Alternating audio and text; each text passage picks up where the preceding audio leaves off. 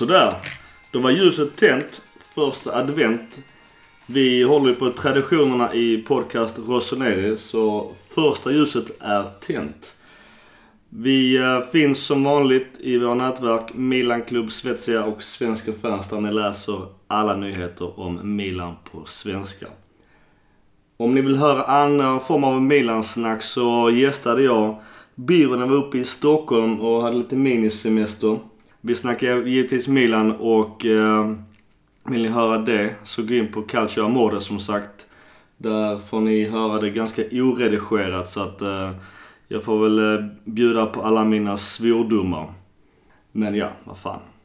Sen sist har, det, har vi spelat några matcher med blandade resultat och taktiska framgångar som vi tänkte beta av i dagens avsnitt. Och sen givetvis lite silly season och annat ståhej. Vi har också fått in några tittarfrågor som vi givetvis betar av. Och lyssnarfrågor ska jag väl säga med tanke på att det är en podd. Lyssnarfrågor är ju jättekul och varmt eh, välkomna. Så att eh, bara att kötta på med frågor antingen i Milan Club Svezia, Svenska fans eller vår egen då Facebookgrupp. Vi har även Twitter som alla andra idag. Och det är podcast Rossoneri. Vi har verkligen tänkt efter där. Hoppas att ni gillar eh, annars det vi säger, tycker och tänker. Eh, vi gillar ju också oliktänkande så har ni någon annan åsikt om det vi säger eller det vi tycker så är ni varmt välkomna att ringa in också. Nog om min meningslösa inledning här. Nu bjuder vi in Mackan och Gurra och börjar kötta ordentligt. Vem har du intervju med idag? Ingen. Ah, okej. Tänkte Det var min tradig inledning. Ja, ja, ja. Den, Så är, att, den är eh, jobbig. Ja, Jag får ju säga något i början ja. Eh, Mackan Gurra, välkomna. Man tackar. Tack så mycket. Jag har tänt ljuset men jag har även blåst ut det för Du har att... eh, tänt alla fyra ljusen. Ja. Micke firar fjärde Ja, advent. vi, eh, vi höll på med, vi skulle göra julkort igår, jag och min dotter. Så att eh, då vill hon ha alla ljusen tända. När vi väl gjorde det. Så att, Fair enough. Ja, fair enough. Så att man får bjuda på det. Eh, Kapar du ljusen i botten då också som ska vara lika långa? Nej, de är faktiskt... Uh, inte, än. De är sedan i fjol. Du vill uh, en rättelse från... eh, Gustav vill rätta mig. Ja, Ja, men du vill med, rätta dig själv också. rätta. Eh, Champions League-finalen 2005 spelades i vilken stad, Mackan? I Aten trodde jag. Eh, Nej, du- du- avsnittet. du sa- Jag du- sa Aten förra avsnittet men givetvis är det Istanbul och, och Dudeks eh, hoppande Precis. som eh, blev fel i förra avsnittet. Det visste vi ju allihopa. Ja, vi Det var missade, bara vi att missade vi missade allihopa. allihopa också. Det är jävligt svårt att glömma just den finalen, att den var just i Istanbul. Så det var bara en... eh, en vi råkade bara en slippa iväg en felsägning. Nisse brukar man säga. Men Exakt. eh, jag vet inte vad jag ska säga idag. Torrfejsnisse. Vi har spelat tre matcher sen sist tror jag. Det stämmer. Så vi, vi går igenom dem. Vi går igenom lite silly season. Vilken ordning ska vi börja i? Är du programledare? Jag ska bara ta upp matchen här då. Fan. Har du läst någonstans? Du var Ola Wenström så att... Ja. Fast utan pengar. Precis. Jag får starta ett eget bolag och hyra mig själv. Ja, Juve har vi gått igenom så det är Lazio-matchen och där ledde vi fram till 95 minuten tror jag. Blytung bortavinst hade jag hoppats på. Ja, det är klart man hoppas på det. Men Eh, Men speciellt med tanke på förutsättningen inför matchen. När vi ledde med 1-0 där så länge. Vad säger vi? 1-1 Lazio borta. Hade du sagt det innan matchen och med tanke på alla skador Milan har så hade jag sagt ja tack. Kanske egentligen ska man säga ja tack ändå med tanke på att som Gustav sa precis, eh, Lazio var ganska bra. Milan var kanske inte jättebra. Men var Milan dåliga då? Alltså när jag såg den här laguppställningen först så skrev det också att det här blir intressant. Abate som mittback, Borini som vänsterback eller vänsterkant istället för en Laxalt till exempel. Jag tyckte bägge lagen spelade rätt bra. Lazio kändes stabilare men bägge lagen var bra i matchen. Jag är förvånad hur bra Milan lyckades spela med den uppställningen. Jag är också glatt överraskad. Jag såg eh, halva, eller första halvan på en pub i Stockholm och andra halvan på tågstationen med en eh, wifi-upplösning som var helt okej ändå. Men Milan Badej, eh, milanistan som gick till Lazio ändå av någon konstig anledning fast det ryktas om honom i flera fönster. Han var bäst på plan enligt eh, Who Scored. Var han det? Jag minns inte det så. Inte jag Om jag ska heller. vara helt ärlig. Nej, inte jag heller. var inte dålig. Han, han, för, Däremot så tyckte jag givetvis... Äh, förlåt. Nu avbröt jag dig Gustav. Fortsätt. nej, alltså, han höll ju i mittfältet för dem. Alltså, han, eh, jag tyckte absolut han var bra. Han var bättre än SMS. Som med rätta blev utbytt. Han var inte bra. Jag tittade lite extra på just SMS eftersom han var ju vår lilla guldhingst eh, inför året. Men han var ganska blek. Ja. Igen. Men han vill ju inte vara kvar. Alltså om, om alla, alltså det, det har varit så mycket skriverier om att han vill bort. Så att han har väl ingen energi, geist, vilja kvar. Men du, på tal om mittfältare. Våra mittfältare, Kessie och Bakayoko återigen eh, centrala linjen. Hur sköter de sig? Tyckte de spelade riktigt bra. Eh, Kes- Kessie slog ett helt gäng smörpass. Bakayoko... ah, Han stänger ner den här ytan. För det, han har gjort det, det till sitt, sitt kontor där. Precis framför backlinjen. Levererar match efter match efter match efter match. Ja, det var nog en mer än han har levererat i. Men, eh, men Ja. jag är med dig. Och sen i alla fall om, om vi tar ett sammanlagt betyg på Bakayoko på de här tre matcherna. För just Bakayoko har ju nämnts som en fråga till oss från eh, några av användarna på Milan Club Svezia. Vad vi tycker om honom. Och för det första om han är värd att köpas ut utifrån, som jag alltid pratar om, eh, dagsformen. 38 miljoner euro. Är han värd det? Ska Milan köpa honom för det? Alltså vi behöver inte ta det beslutet nu. Alltså visst han har levererat nu fyra, fem matcher kanske. Men beslutet behöver inte tas förrän i maj. Men då är frågan. Är det en fast klausul på Milan kan köpa honom för 38 basta? Eller kan Chelsea säga nej, nej, nej. Fan han varit skitgrym. Vi tar tillbaka honom. Ni får inte köpa honom. Så är det så här, bjuder vi 38 måste de tacka ja. Och sen upp till Bakayoko själv och säger nej men jag går ner halva lönen för att spela i Milan.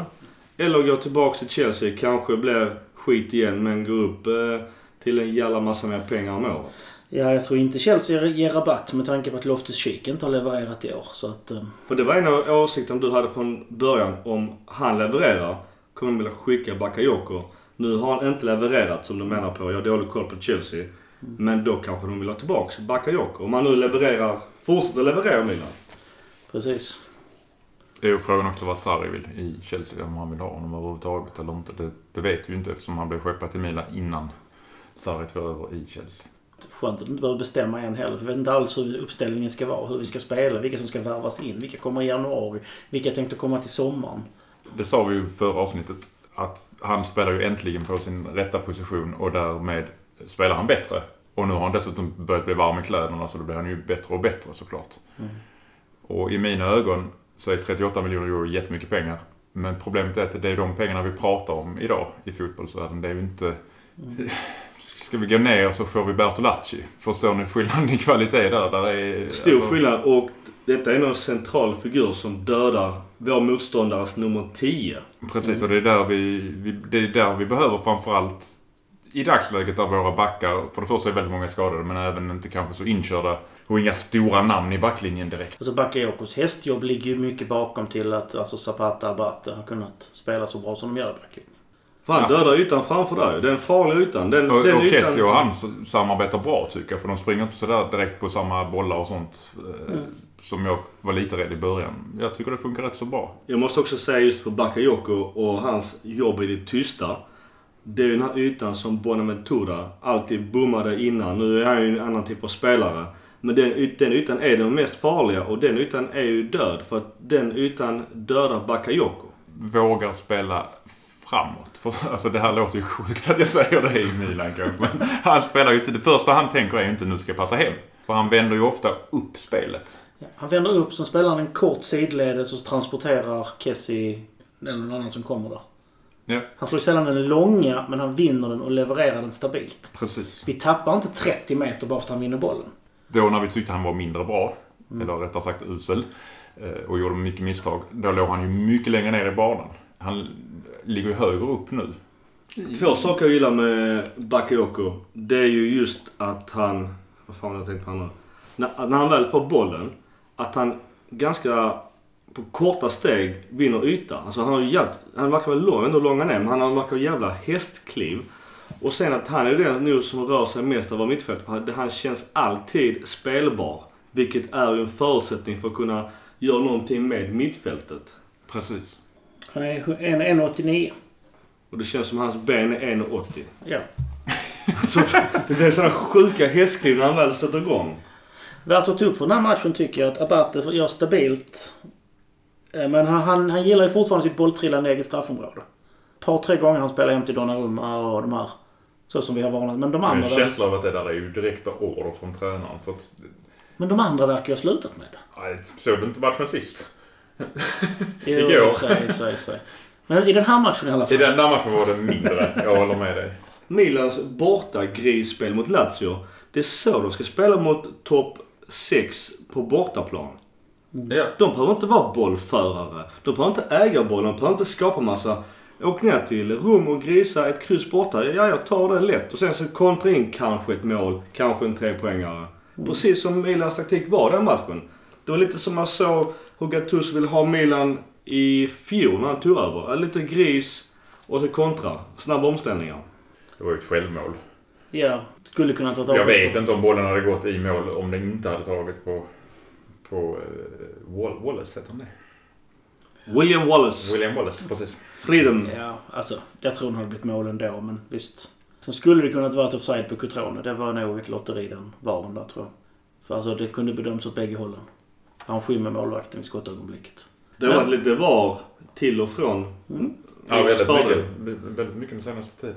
Jag älskar VAR fortfarande. Även om det ibland går mot oss så är det ju ändå fantastiskt. Man vet ju att det oftast blir rätt ju. Du, på tal om VAR. Du hade uppgifter om eh, video och Champions League. Ja, det var därför jag blev så förvånad när du skrev det. Beslutet är nu taget att det kommer börja användas från första omgången i slutspelet Champions League. Nu, Då det trodde vi inte. Jag vet att det var på förslag, men att det skulle gå igenom det trodde jag ju. Jo, men om du tittar på vem som la förslaget. Det var ju inte någon utredning utan det var ju Uefas eh, ledning som la förslaget. Så jag, jag, jag, har, jag har räknat med det sedan augusti. Vi får hoppas att det används korrekt bara. Nu måste det bli jobbigt för Real Madrid nu när de har video. Alla Kanske filmningar och knepiga straffar och annat som har haft som fördel i andra sidan har sommar. inte Ronaldo längre så det Förvisso. Så. Juve däremot. Juve, ja det var tufft för dem. Sen som saker ska nämnas i den här matchen, Hakan. Alltså, snälla nån. Låt killen vila på matcher. Visst, han var bra mot Dudelange hemma, men alltså.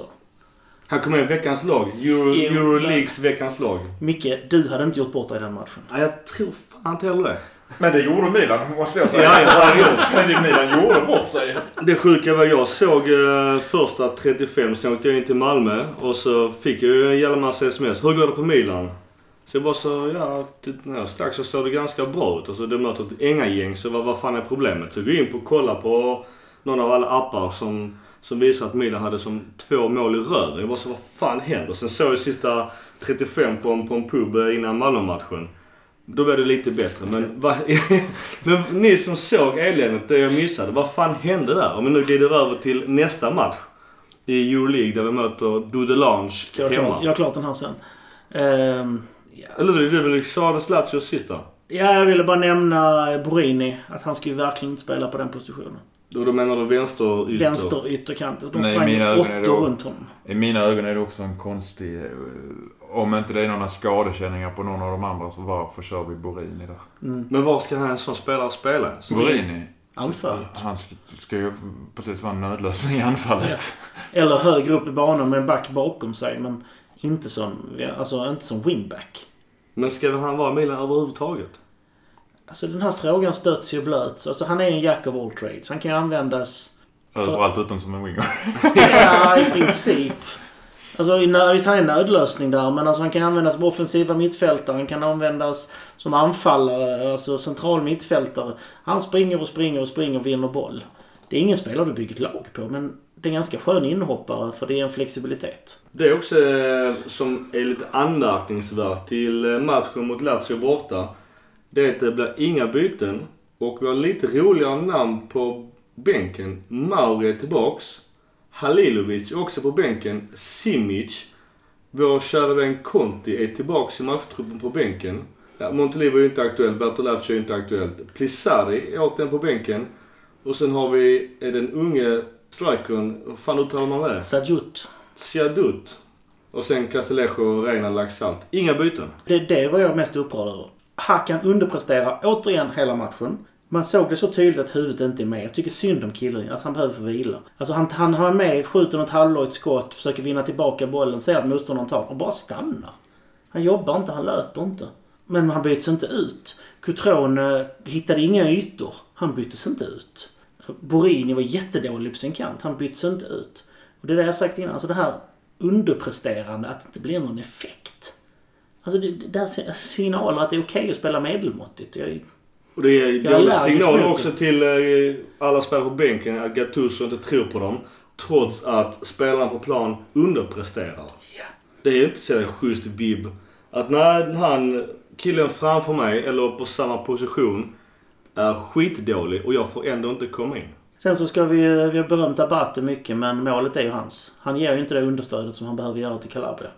Han kommer ju på sig själv och sen springer han fram men det är alldeles för sent. Ja. Enda förklaringen till att inga byten som jag kommer på, jag har tänkt och tänkt och tänkt.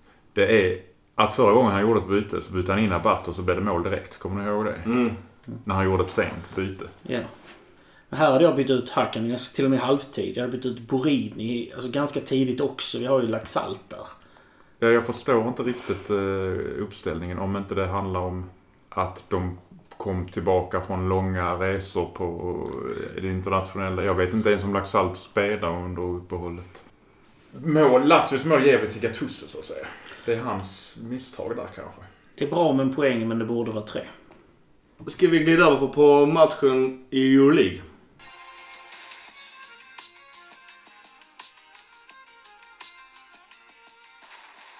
Okej, då har vi matchen mot F91 Dudelange från Luxemburg med eh, manager Dino Topp Möller. Det var ynka 15 521 som ville se den här toppmatchen på San Siro en trött torsdagskväll. Vi vinner med 5-2 som alla vet. Eh, målskyttar vet vi också. Eh, det är mest Dudelange som gjorde mål. Dudelange har fyra mål. Faktiskt. Så de vann egentligen. Dock två i eget eh, mål. Och återigen får Bakayoko överlägset bäst betyg tillsammans med Cotrone i Milan. Bakayoko är ju värd det där såklart. Om man då jämför med de andra som kanske inte har varit ordinarie hela säsongen, vilket Bakayoko inte heller har varit, så märks det att han har fått spela mer på senare tid än de andra inhopparna så att säga. Förstår inte hur man kan sätta Bertolacci överhuvudtaget på... Ja, vi har ju två, eh, tre nya. Ja, alltså tre alla nya. dagar i veckan har jag tagit Monteliv. Ja. Jag med. Eh, Biro frågar mig vad som har hänt just med Montelivo och att han får stå åt sidan och till och med Bertolacci. Då är man ju sjukt petad. Men jag ska bara säga också det. Det måste vara något internt. Ja, det må- ja, ja. alltså, och jag Ja. tror inte det är med Gattuso. Jag tror Som jag skrev när vi pratade att förra säsongen spelade han väldigt mycket under, under Gattuso på grund av skadorna på Biglia. Och, Det kan ju inte bara vara att han har hög lön, att de vill skeppa honom, han sa nej. Att eh, det är det beror nej, det måste vara någonting med ledningen. Jag vet inte. I alla fall, det har också kommit in eh, tittarfråga i vår eh, Facebookgrupp och det var vi skulle ta upp Halilovic som äntligen får starta. Och då den unge eh, backen Simic. Halilovic till att börja med. Vad, hur gjorde han? Han var väl habil. Alltså det, det är så svårbedömt med de här matcherna för att motståndet håller ju inte den kvaliteten. Du har ju, må- alltså, normalt sett brukar man säga att i Serie A har man väl nästan två sekunder på sig innan du blir ordentligt utmanad. Här, här är det ju tre, fyra sekunder. Alltså det är, det är så svårbedömt. Så han borde egentligen gjort en bättre insats.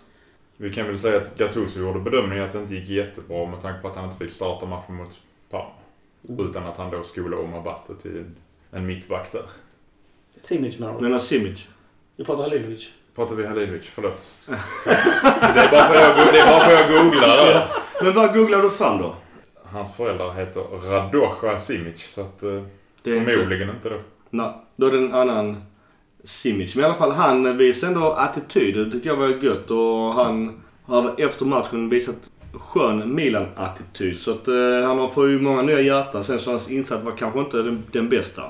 Men Halilovic, han blev utbytt så han kunde inte heller varit så jävla bra. Alltså, Halilovic är löpvillig. Halilovic är bra att få med sig, alltså, bo, alltså transportera boll. Men han... Alltså han kan, han, kan, han kan ta bollen i mittlinjen och sen så driva den och springa. Han är snabb.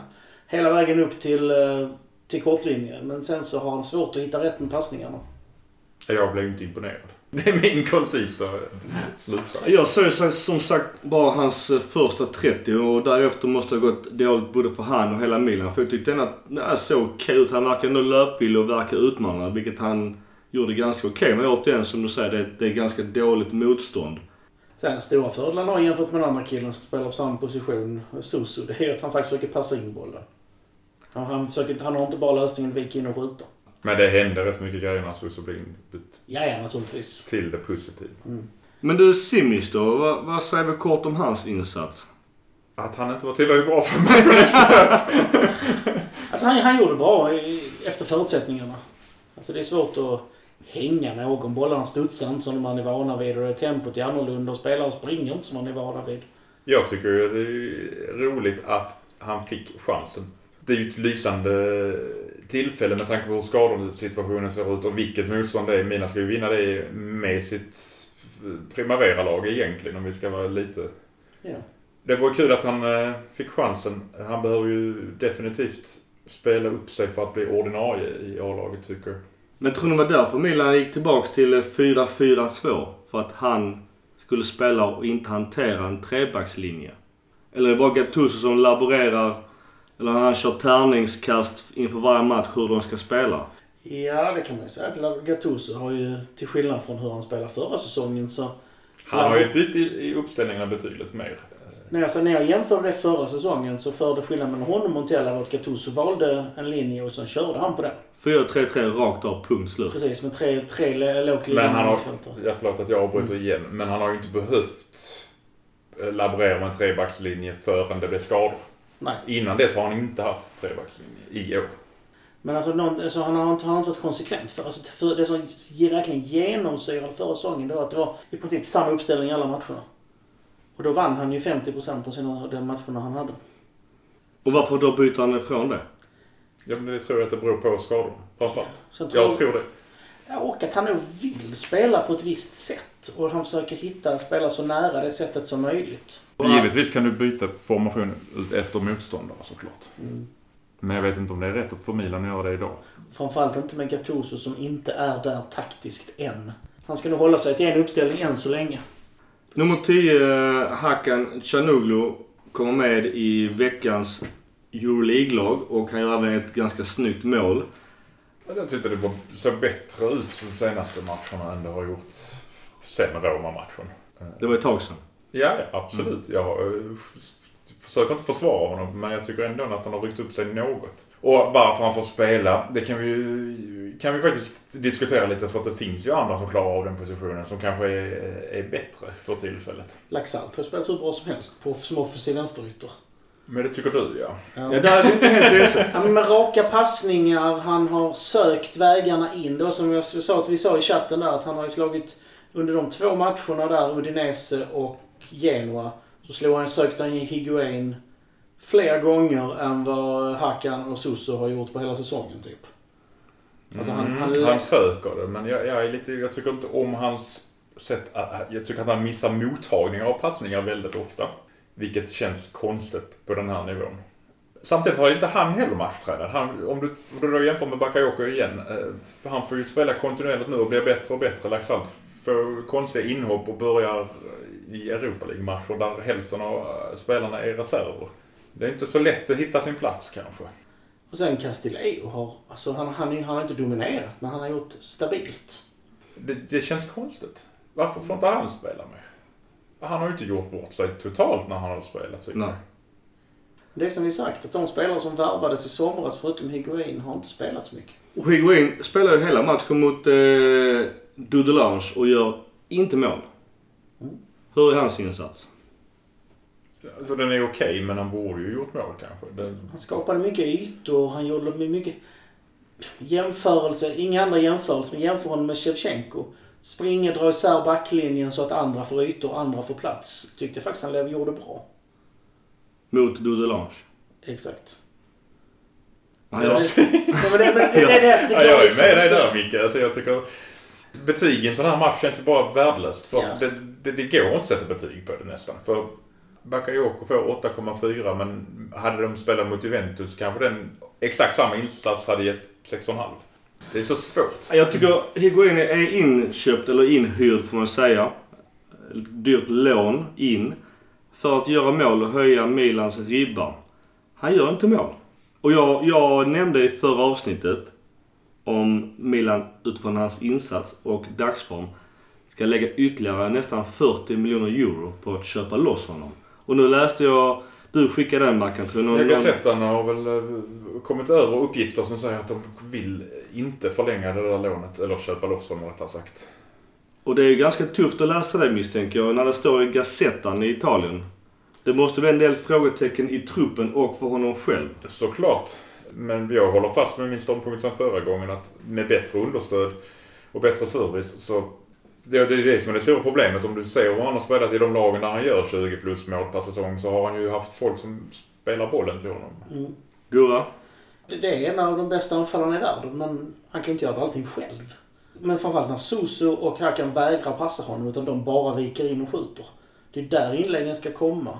Nu när vi framförallt inte i de andra matcherna spelar med spelskickliga centrala mittfältare, så kan inte bollen komma därifrån. Då måste den komma från yttrarna. Det ska ju bli intressant att se om man kan få en Paketa som får spela och kör lite mer central offensiv mittfält. Om han kan leverera bollar till honom. För just nu så får han inga bollar. Det är nästan han som ger bollarna till Cotrone om vi ska vara... eh, Jag skulle, for, jag skulle fortfarande vilja se Higuain tillsammans med Zlatan Ibrahimovic. Om nu det är möjligt. Om han nu kommer, för det är mycket som tyder på att Zlatan kommer att ansluta till Milan redan i januari. Och jag skulle, innan jag, innan jag sågar Higuain, eh, inte för att jag sågar honom, men jag tycker han gör för lite mål. Och gör man ett mål mot Dudelange är det inte okej i min bok vad han än får i betyg. Men innan jag säger bu eller bä helt där så vill jag se han tillsammans med Zlatan. För jag tror att Zlatan kommer göra honom mycket bättre för att Zlatan är så pass bra i target. Jag tror ju inte Susu och Hakan kommer att våga att, in, att inte passa om Zlatan spelar i mitten. Då får de höra det. Då lär de få höra det. Då kanske det är en karatespark. Han står så. Där ska den ligga! Så pekar han var han ska ha den. Ja. Ja, men, det, men Zlatan har ju en poäng. Jag menar, vad fan var Bullus att spela anfallare och så har du någon ytter som bara viker in och skjuter hela tiden. Jag menar, Ja, det kan vi. Det kommer vi, pratar vi ju faktiskt om i, i gårdagens match. Om vi nu ska glida över på Parma-matchen. snygg överglidning. Eh, För den här matchen vann vi med... Men vi skulle inte släppt in målen, helt Men- enkelt. Det skrev jag på en kommentar på Milan Sverige, tror jag det var. Men alltså, det, det är ju pinsamt. Deras första mål i Europa League någonsin. Det är det. Jag fick om jag har rätt för det, det är freak occurrence, de här, de här, eh, när man möter dem. Får man tre poäng i alla gruppspelsmatcherna mot, eh, vad ska vi kalla det, korp, korpgängen eller vad man ska säga, så har man gjort sitt jobb. Man spelar alltså med reserv- Hade Milan haft full A-trupp så hade de inte varit i närheten av ett mål. Men det, det handlar bara om att ta de där tre poängen. Turneringen börjar i nästa runda. Framförallt med dubbelt så många Champions League-lag med. Ja, det kan bli tufft. Men du, vi glider över på eh, Parma Calcio 1913 som är tillbaka. Så det verkar vara ja, en liten källgris av alla av någon konstig anledning. Men de eh, eh, åkte till San Siro och fick stryk. Matchens lirare blev Cotrone. Men, men om man ser på vissa andra tidningar så blev Bakayoko återigen man of the match. Han blev väl till och med man of the match på Milans hemsida. Ja, det, ja, det, ja, precis. Och även i vår Facebookgrupp hade vi en liten undersökning och där la vi upp Cotrone, Bakayoko och faktiskt Abate som alternativ på matchens lirare. Och den eh, Abate fick ju faktiskt inte en enda röst. Jag sympatiröstade en extra på Abate men jag tog faktiskt bort den för att... Ja. Jag tyckte synd om honom. Jag är lite synd om honom. Men, men jag, jag måste ändå säga att Batte var ju ändå där. Han var, i, min, I min värld var han ändå topp tre. Och det är för att mina förväntningar på honom är ganska låga. Ännu mer som mittback. Alltså med andra ord, och om jag förstår dig rätt och jag håller med dig. Abate var absolut inte bäst i Milan. Men han var bra mycket bättre än vad du trodde att han skulle vara. Exakt så menar jag. Smart. Är Men jag- dock, Bakayoko var överlägsen vinnare i vår undersökning på vår Facebookgrupp. Med all rätt. Han var man of the match. Som du sa Mackan, även på Milans hemsida blev han eh, man of the match. Ja, jag, jag håller med. Och det är väl Eh. tredje matchen i rad egentligen han eh, får de här betygen. Det enda som talar till Cutrones, eller enda, där är två grejer som talar till Cutrones fördel. Det är att det är ett sjukt snyggt mål han gör. Det är inte lätt att göra det målet han gör. Det är skills. Och vi har ändå pratat om honom att han rumpar in bollen i målet typ. Alltså han bryr sig inte om hur det ser ut. Utan han vill bara göra mål och då gör han ett sånt här snyggt mål.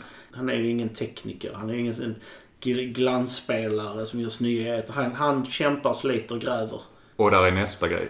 Han sprang mest av Milan-spelaren. Och han är central anfallare.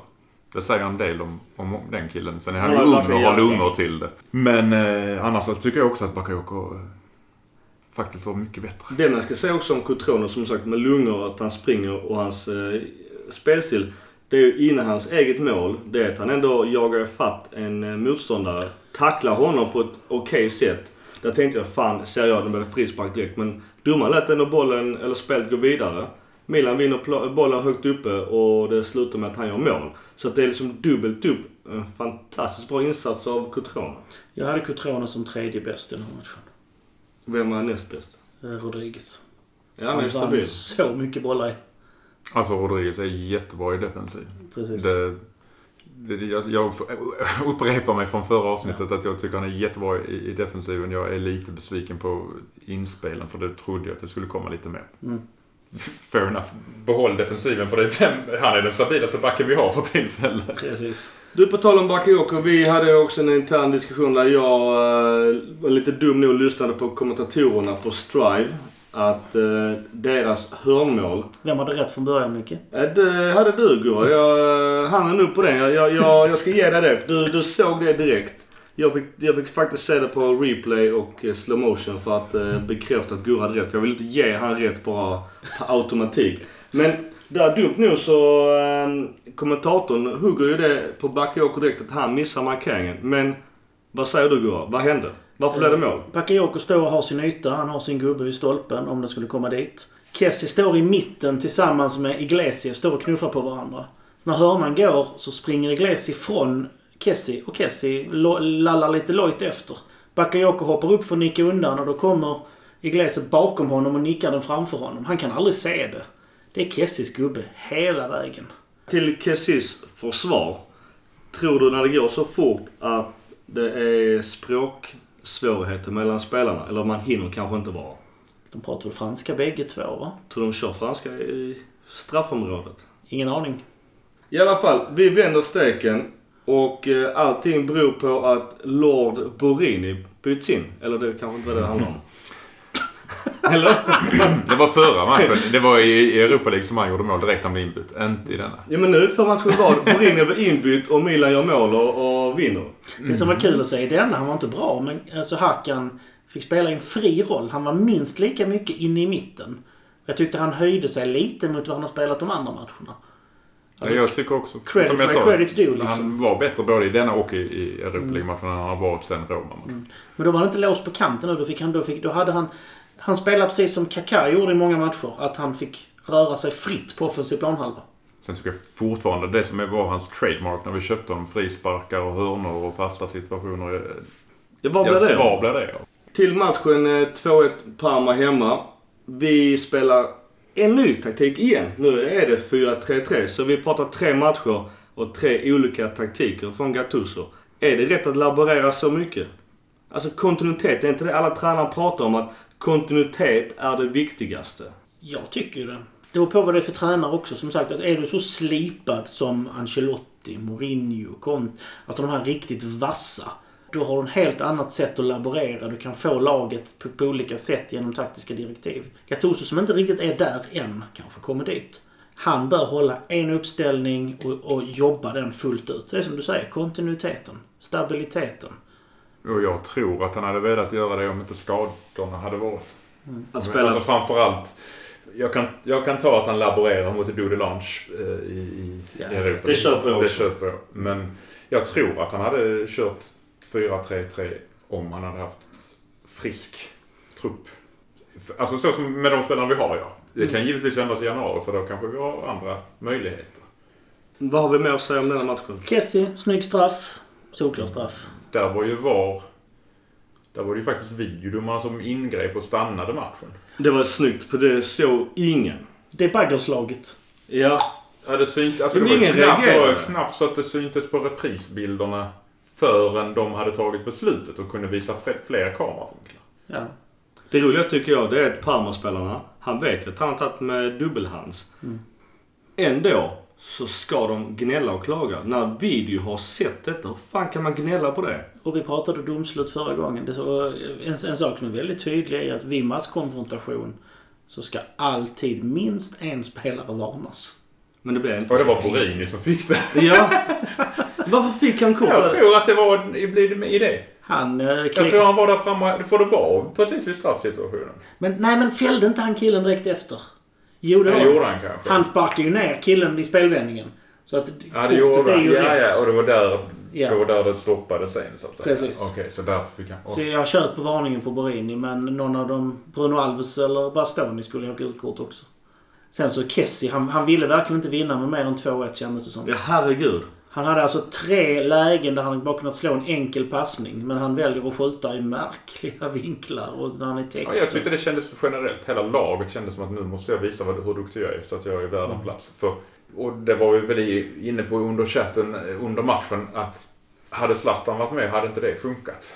Nej. Jag kommer ihåg när vi vann. Jag säger vi för jag menar att jag är en del av Klart du är en del av Milan. Neudale Milan. Nej, ehm, att vi spelade mot Arsenal och gjorde 4-0 på hemmaplan och han är förbannad för att det kunde blivit 6-0. Och den inställningen är ju faktiskt helt rätt. Spe, alltså, speciellt vid 2-1. Då kan du inte skänka bort dina chanser. Ja, för det som hände var att Milan hade ju läge, två, tre solklara lägen att kunna döda matchen till 3-1. Nu satt man ändå och var nervös eh, långt in på stopptid. Fall i fall också med Lazio i nacken. Tänk om de kvitterar igen om man går miste om viktiga trepoängare. Långa extra minuter Ja, det måste var jag säga. Ja, det var lite ångest. Det var en schysst omgång för Roma Inter kryssar och Lazio kryssar också så att det var verkligen... Det var ju, vi var ju i fjärde platsen igen.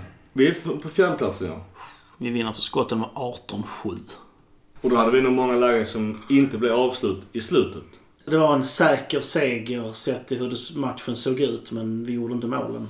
Mer än två. Vi gör två byten. Den Och det, vi ska ju komma ihåg att Parma låg två poäng bakom oss bara inför matchen. Ja, ja, så att de vill ju, alltså de hade ju hängt på Europa League-platser. Mackan, något sista ord om eh, Parma hemma? Ja, det var jäkligt sköna tre poäng. Just som du sa med, med hur resten av... Det var ju en tidig match. Så att vi visste ju inte hur resten av omgången såg ut nästan. Det var ju bara några matcher som inte betydde så mycket för Milan på lördagen. Mm. Men, eh, Gurra, vad står i pärmen?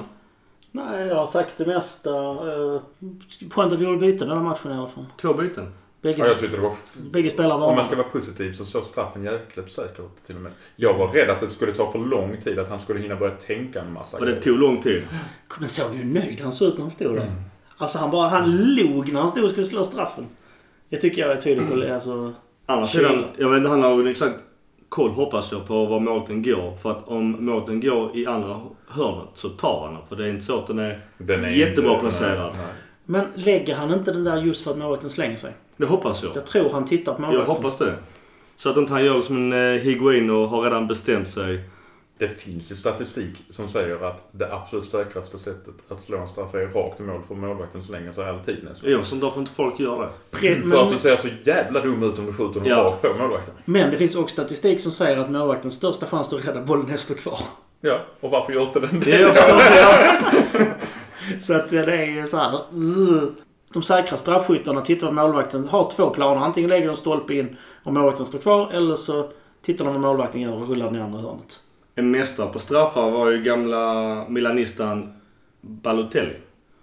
Han bommade ju inte många straffar. Förrän han mötte Peperina i Napoli. Ja. Han, precis, han bommade sin första straff Ja. i Milan. Ja. Eller alltså, första straffen han bommade var i Milan. Mm. I Milan tror jag.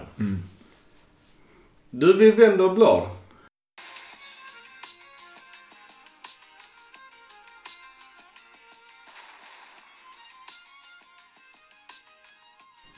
Guldbollen är ju på gång igen och vi har ju eh, i Milan många sköna lirare. Mackan, kan du dra våra guldbollvinnare? Ja, det är eh, 1969 så var det Rivera och 87 Schullit. 88, 89, 92 van Basten. 95 Wea. 2004 Shevchenko, 2007 Kaká. Och det man ska säga om eh, just Milans dominans 88-89 när Milan var, ja, alltså verkligen grande Milan. Det var att eh, det är enda gången ett lag har haft alla tre nominerade för Milan. Och 88 var det Marco van Basten, Ruud Gullit och Frank Rijkaard. Och 89 var det återigen van Basten som då vann. Kapten Baresi och återigen Rijkaard. Det är ju sjukt mäktigt. Och det, jag tror inte så man kan eh, göra den jämförelsen idag att något lag, har, har vi någonsin haft på 2000-talet ett lag varav alla tre spelare spelar i samma lag. Bara för att folk ska Ja. förstå hur dominerande Milan var när vi som snorungar började titta på Milan. Jag tror inte det går att få det idag för det är för mycket politik i det. Det tror jag också i och för sig. Alltså du, du, du kan inte lämna någon spelare ut för då blir, blir det Valor. Utan du tar den du vet kommer vinna från det laget som har två, de tre bästa kanske. Och så tar du de två andra. Två från andra håll. Jag kan tänka mig även om ett lag, till exempel Barcelona, skulle vara helt dominerande som de var för något år sedan. Att de skulle kunna ha Messi, Ronaldinho, Eto'o eller Xavi som nominerade allihopa. Det, det hade ju blivit ett jävla liv i fotbolls-Europa. Fast de kanske med all rätt, likt då på 88-89 där, där de verkligen bästa, de, de, de spelar i samma lag. Men det är nog sjukt imponerande och det kommer, både antingen på lite sätt, men det kommer ju nog aldrig hända i modern fotboll då att alla tre nominerade är från samma lag. Det som är roligt är ju där också, vilket inte händer särskilt ofta längre, att det faktiskt är en back nominerad bland de tre. Ja, det, Det- senaste var väl ehm, Italien 06. Maldini, Nej. Cannavaro. Cannavaro. Nästa. Fabio Cannavaro. Och det sjuka jag tycker Cannavaro är jätteduktig såklart, men jag tycker aldrig att han varit i närheten av Nesta eller Maldini. Ja, men han, hans VM 06 var han ju hur bra som helst. Och det är, Ja, det det, det, är det han vinner på. Precis som Modric. Vinner Modric i nu år så är det på grund av det. Ja men Pirlo, han var inte 06. Han var ju outstanding. Mm. Ja, nog om eh, guldbollvinnare eller Vi Ballon d'Or. det, det är nog ett tag kvar till Milan har någon spelare på the shortlist. Litar, Ja. Vi litar på paketet. På tal om paketet, schysst övergång. Han har fått sitt nya tröjnummer. Ett nummer efter mig så 39. Vadå, är du 38? Jag har på min tröja. I fotbollen? Min, Milan, min, min, min Milan-tröja. Jaha. Ja, mitt gamla turnummer. Men han har nummer 39. Ska han ha. Varför har man 38 som turnummer? Oj, det är en lång historia. Ja. Det får bli en Liverpool-podd. Ja, det har ingenting med Liverpool att göra. Det har med sällskapsspel på 80-talet att göra. Åh herregud.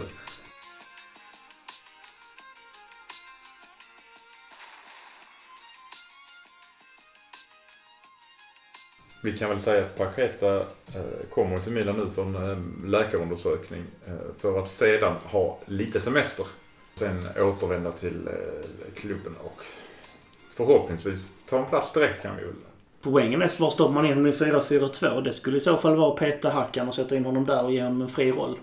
Med tanke på att Leonardo har ju lobbat ganska hårt för honom och han säger själv i intervjuer att han ser fram emot att komma till Milan och allting blev möjligt tack vare Leonardo. Och att Milan är, låter hemskt att säga det, men att, att det är ett bra steg för honom. Då hoppas jag att han menar att det är ett steg i världsklassriktning. Så inte han menar på att det är en, bara en mellanstation i Europa.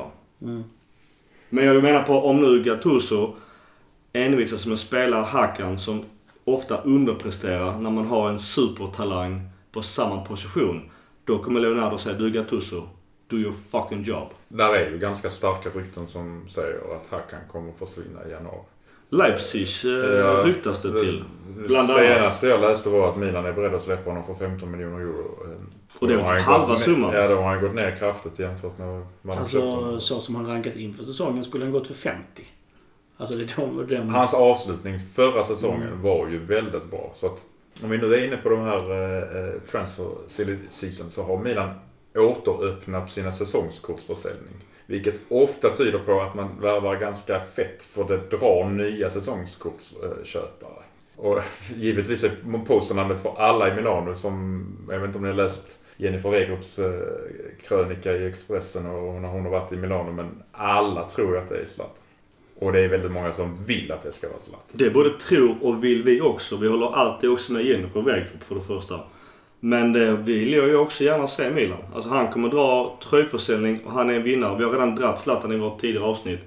Men att kan, att kan vi få honom så absolut. Så att- Absolut. Absolut! Det, det kommer ju hända grejer i januari helt enkelt. Förutsatt då att eh, straffet från Uefa inte blir ett transferförbud. Jag tror.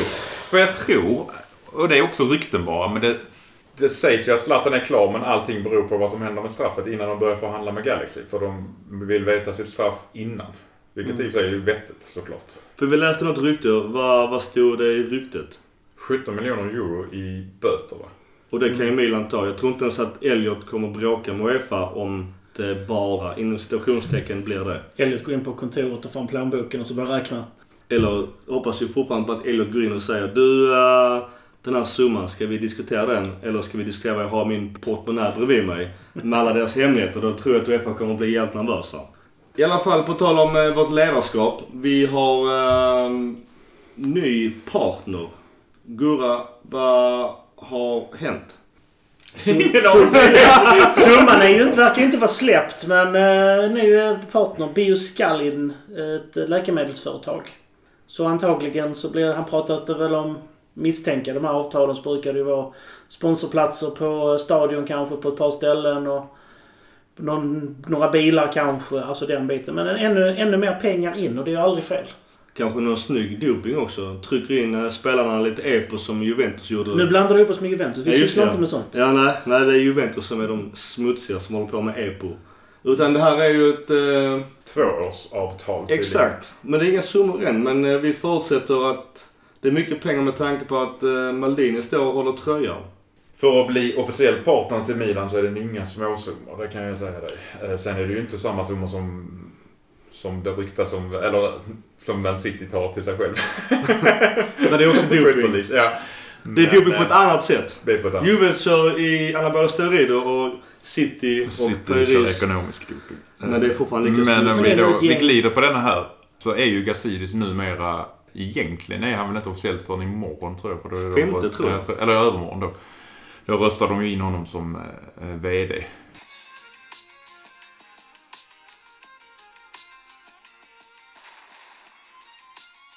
Och han kommer ju ha en hel del att göra på den ekonomiska biten.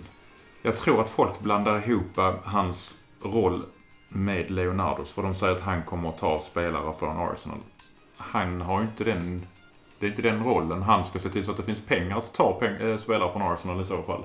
Och eh, ja, han har ju ett par olika uppgifter. Framförallt är det ju att skaffa en bilsponsor. För det har vi inte Milan för tillfället. Vad händer med Opel? Fan vad vårt gamla Opel-märke. Jag tycker det var eh, klockrent. Eh, Men det rykta, det sista jag läste om det var att Kia är intresserade. Och det är ju en up and coming bil även i Sverige som säljer rätt mycket bilar helt plötsligt. De, han ska omförhandla avtalet med Fly Emirates. Vad innebär det då? Men Förhoppningsvis ska det ju höjas till kanske det dubbla. Eh, till 35-40 miljoner om året. Från år nuvarande Från 20. nuvarande 20. Och det har ju också andra rykten sagt att han vill omförhandla avtalet med Puma för han var inte så nöjd med det avtalet. Kan man göra det? När redan papperna är skrivna? Det beror väl på hur avtalet ser ut också. Så. Vi, vi lägger på två år på det här om ni höjer med det så här mycket. Alltså, det finns alltid lösningar. Förvisso. Men Ni, däremot ni, så... ni får en plats till på arenan. Ni får eh, en logga till på tröjan. Alltså, man löser alltid sånt. Han har ju som uttalat eh, mål är ju att höja intäkterna från matchdagarna till det trippla. Från 350 miljoner euro per år till en mil... eh, 350 miljoner kronor till eh, en miljard kronor. Alltså, Ars- 35 miljoner. Arsenal är den klubb i världen, tror jag, som får in mest per hemmamatch. Ja, det är det. det, är det. Mm. Eh, Sist jag läste uppgifterna. Precis. Men sen har de också alltid 60 000 på plats. Ja, Och det är där, där 35 000 kommer ju ryktena, ryktena som säger, eh, och jag vet inte om det är klubbat än, men både Inter och Milan har ju kommit överens, inofficiellt i alla fall, att de ska behålla stadion och bygga om den. Och det kommer ju gynna båda klubbarna ekonomiskt såklart. Men varför köper de inte loss den jävla arenan? Jag fattar inte det. Betala dyr kommunhyra till Milano. Det är väl för att båda klubbarna använder den kanske, så man... Jag vet inte hur. Men det är ju fortfarande businessfolk i båda klubbarna som fattar det här är en ganska dålig deal för båda. Ja, De- men alltså, Juve lämnade ju sen och byggde, byggde helt ny Ja, Del Alpi lämnade hemska UFO-bygget. Vill Milan börja tjäna de grova pengarna så gäller det att ha sin egen stadion, allting eget, anpassat, fixat. Hyra ut den när man inte har eh, säsong. Det är då du börjar tjäna stort. Sen är det tradition att vara kvar. Jag förstår absolut charmen att vara kvar på San Siro. Men om jag förstod det rätt så skulle kommunen äga det men Milanoklubbarna skulle ha nyttjanderättigheterna året runt.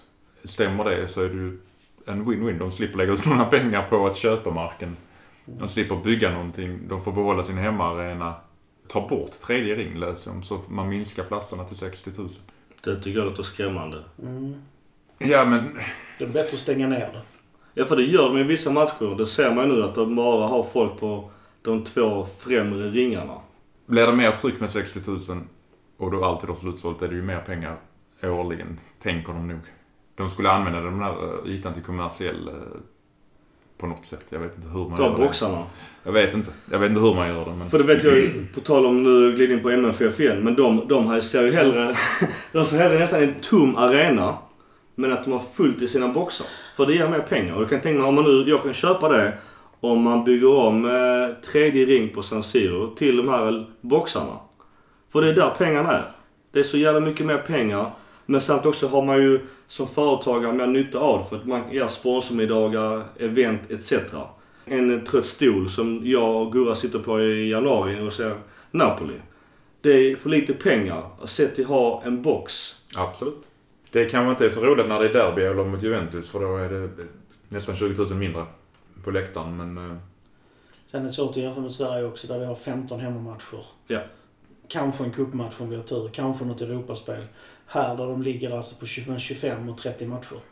Vi kan i alla fall konstatera att Milan är rätt så aktiva för att öka sina inkomster. Och det är också det som är sköna just med eh, vad som hänt sen kineserna och deras luftslott att Elliot då som är överprofessionella och vänder på rätt stenar. Leonardo Maldini, Paul Singer. Alltså det, är ju många tunga namn nu som är i Milan och vet vad det innebär för att bygga ekonomi och framgång. Det går inte att ha en massa tomtar som bara, ja, höftar lite. Det här måste ju börja smitta av sig på spelartruppen också. Vi har vinnare, vi har attityden utanför planen. Nu måste det in på planen också.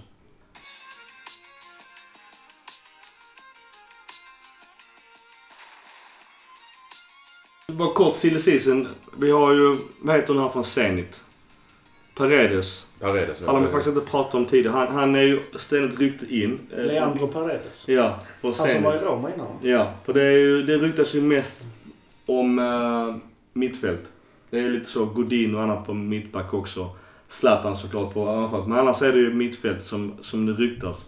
Och bara för att nämna de som, de två mest aktuella, är, har vi då Cesc Fabregas, Gurra. Många ser ju ner på Fabregas, tycker att han är slut och så vidare. Men han är fortfarande en riktigt bra spelare. Han är inte startspelare i Chelsea, men konkurrensen där är ju löjlig just nu. Varför tror folk att han är slut då? För att man har inte sett så mycket av honom på, på sistone. Han har inte spelat jättemycket. Men när han spelar gör han det ruggigt bra.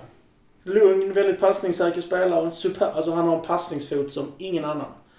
Han har en blick för spelet, ett lugn. Det är precis vad vi skulle behöva. Alltså, tänk er alltså Biglia fast mycket, mycket, mycket bättre. Fabreg, Fabregas stora fördel är att han tar ju nästan aldrig ett felbeslut. Han slår rätt passning, han hittar rätt ytor, han tar rätt löpningar. Han är inte snabbast i världen, han är inte starkast i världen, han är inte störst i världen. Men han står aldrig fel. Är han skadebenägen? Skadeperiod i Arsenal, men den, den var över och sen dess har han knappast skadad alls. Men stora problemet vad jag har förstått, det är att han har så jävla hög lön i Chelsea. Oh ja, han tjänar ju 7 eller 800 000 pund i månaden tror jag, något sånt. Och det kan vi ju inte matcha. Så vad gör man då? Då eh, antingen köper man och så säger man att ni får betala 300 000 pund i månaden för att vi tar över honom. Då slipper de ju 500 000 i alla fall. Plus får pengar för det. Eller så eh, hoppar man över det. Eller så väntar man ut kontraktet. För han går som bossman i sommar. För då har du helt plötsligt 10 miljoner till att ge honom i lön. Ja. För det ryktas som att det är 10 miljoner euro Milan ska betala i januari för att få. Vi kan inte vänta. Vi måste få in, vi får in paket. Vi behöver en mittfältare till. Och då har vi som en lek med tanken. Om vi nu spelar 4-3-3. Var är han då i denna ekvationen? Eller hur ska man spela taktiskt sett för att fortfarande ha nytta av Bakayoko? Få in paketen någonstans och kanske då ta in antingen Fabregas eller någon annan mittfältare. Och ha kvar Kessie såklart. Alltså, jag brukar säga att du, du, du, by- ett lag är aldrig en startelva. En lag är 22 till 24 spelare. Som alla ska hålla bra klass. Fungerar det här fungerande mittfält så behöver du Kessie, du behöver Bakayoko. Du behöver Paketa, du behöver Susu, du behöver Hakan som avbytare eller om vi gör oss av med honom. Vi behöver ha in en eller två spelare till så att man kan ha en rotation. Alltså när man byter ut, det var som vi sa innan, vi bytte in Borini mot Juve och de bytte in Douglas Costa.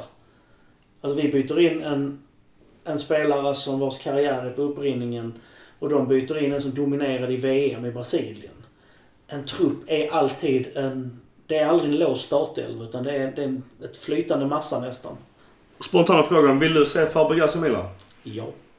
Mackan, vill du se Fabregas i Milan? Ja, jag tycker att vi saknar eh, erfarenhet och det har ju den killen om något. Jag vill också se Fabregas i Milan. Så där är vi rätt överens igen. Jag vill hellre se honom än honom som Mackan ska prata om. Och vem, vem tar du upp Mackan som också ryktas ganska mycket till Milan? Ja, tydligen så ryktas Denis Suarez från Barcelona till Milan och jag, jag har läst och jag vet inte riktigt vad jag ska säga mer än att det känns som ännu en i raden av Barcelona-spelare som inte platsar i Barcelona. Egenskaper på pappret ser ut som att passa i Milan. Men han har ju inte gjort något väsen av sig. Blivit köpt av Barcelona för mycket pengar. Men Ja, han, är, så han är utlånad i olika omgångar. Han var ju såld till City ett tag där han aldrig fick spela. Han var utlånad till Sevilla 2014. Då spelade han ganska mycket. Eh, Sen sålde Barcelona honom till Villarreal med nu tillbaka köpsklausul.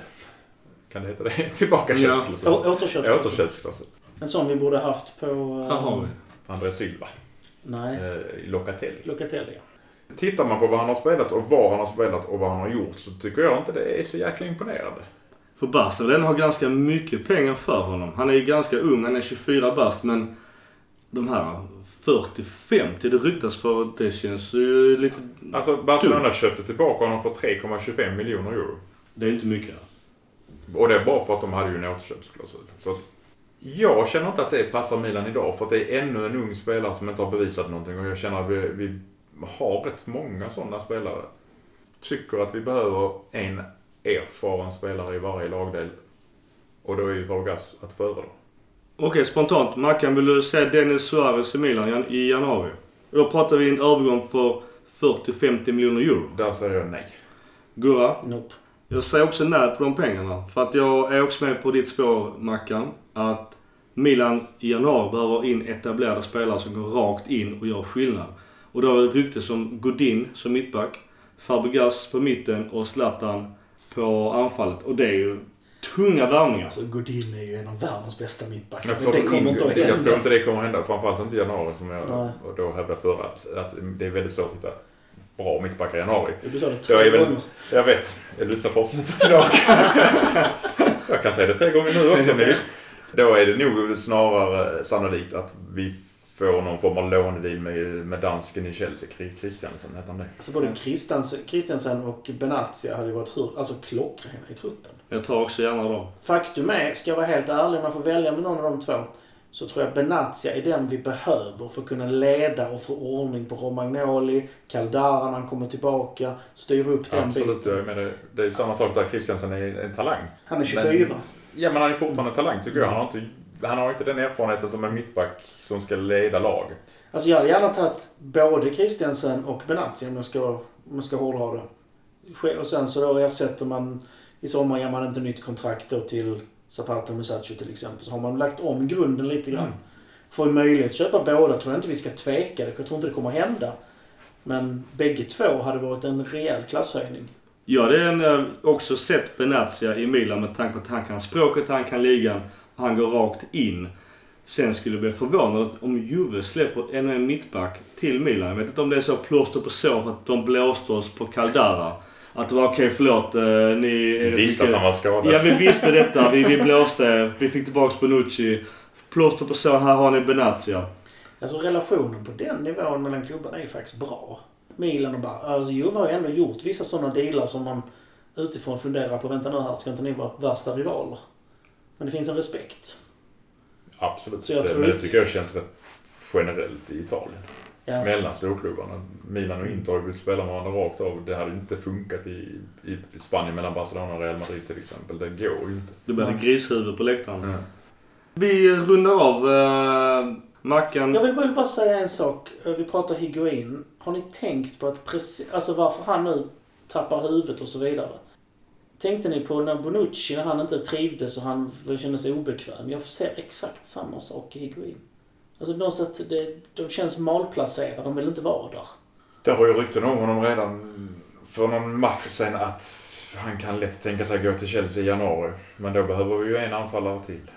Jag ska faktiskt avsluta med något mindre positivt. Jaså? Nej, jag lyssnade på eh, Therese Strömberg som var väldigt klok i sina ord i förra För avsnittet. avsnittet. Och jag måste säga att ju mer jag tänker på det, så som Milan ser ut idag med den tränaren vi har och med den trupp vi har, så är det ett Europa League och inte ett Champions League-lag vi har. Just nu. Just nu. Jag säger inte efter januari kan det ha ändrat sig. Så egentligen tror jag vi faktiskt ligger rätt så bra till utifrån våra förutsättningar. Tittar du ekonomiskt, det är en helt annan sak. Hur mycket pengar vi lägger ut på eh, spelare och spelarlöner så borde vi ju vara topp två. För att vi ligger ju under Juventus i löner och sånt. Men annars är vi ju störst på lönesidan tror jag. Det- kanske inte är negativt men det positiva av detta är ju att vi kanske just nu ligger på en högre placering än vad vi borde. Är det då cred till Gattuso? Är det någonting positivt eller? Egentligen, för det här har vi inte tagit upp. Tittar man på det året han har suttit. Så har han ju tagit poäng så att vi borde sitta, ligga på en tredje plats. Nej, det var någon statistik som han tog över. Har. Milan.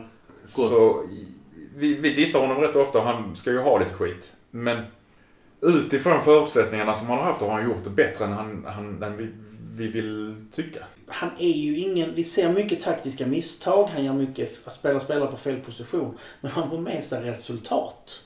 Och till slutändan, jag tror vi sa det i, precis innan säsongen också. Till slutändan är det faktiskt det som räknas. Absolut. Och Men frågan är, var, var hade vi varit med typen Ancelotti? Det är, den, det är den frågan jag inte riktigt kan släppa. Men, Hur han- men han har gjort det bättre än... Poängen är bättre än prestationen. Så tittar jag på andra lag i ligan under detta året så tycker jag ju att det finns de som kanske har bättre och mer meriterade tränare men de ligger ju under i poängen under Gattuso. Det, det är svårt att och dissa honom rakt av när man ser statistiken tycker jag. Precis. Är Sen, sen håller jag med alla inblandade att det är ju ingen scudetto-tränare. Att han tror upp oss på Champions League-platser och sen vad som händer sen, fair enough att det behövs en bättre tränare sen. Tycker posi- om vi nu ser det positivt så ligger vi faktiskt bättre till än vad vi borde. Kurra, har du någonting positivt att avsluta med? Trots att vi egentligen inte spelar bra, trots att det tas märkliga beslut, så får vi ändå poängen. Positivt nu, Paketa verkar ju vara helt klar. Det ryktas om rätt spelare. Hoppas nu bara inte att det är luftslott. Att det faktiskt kommer in. tror ändå att Milan kommer gå en vår till det positiva. Och vi ligger faktiskt på fjärde plats. Det är bra. Det är jävligt positivt. Forza Milan. Forza Milan. Forza Milan.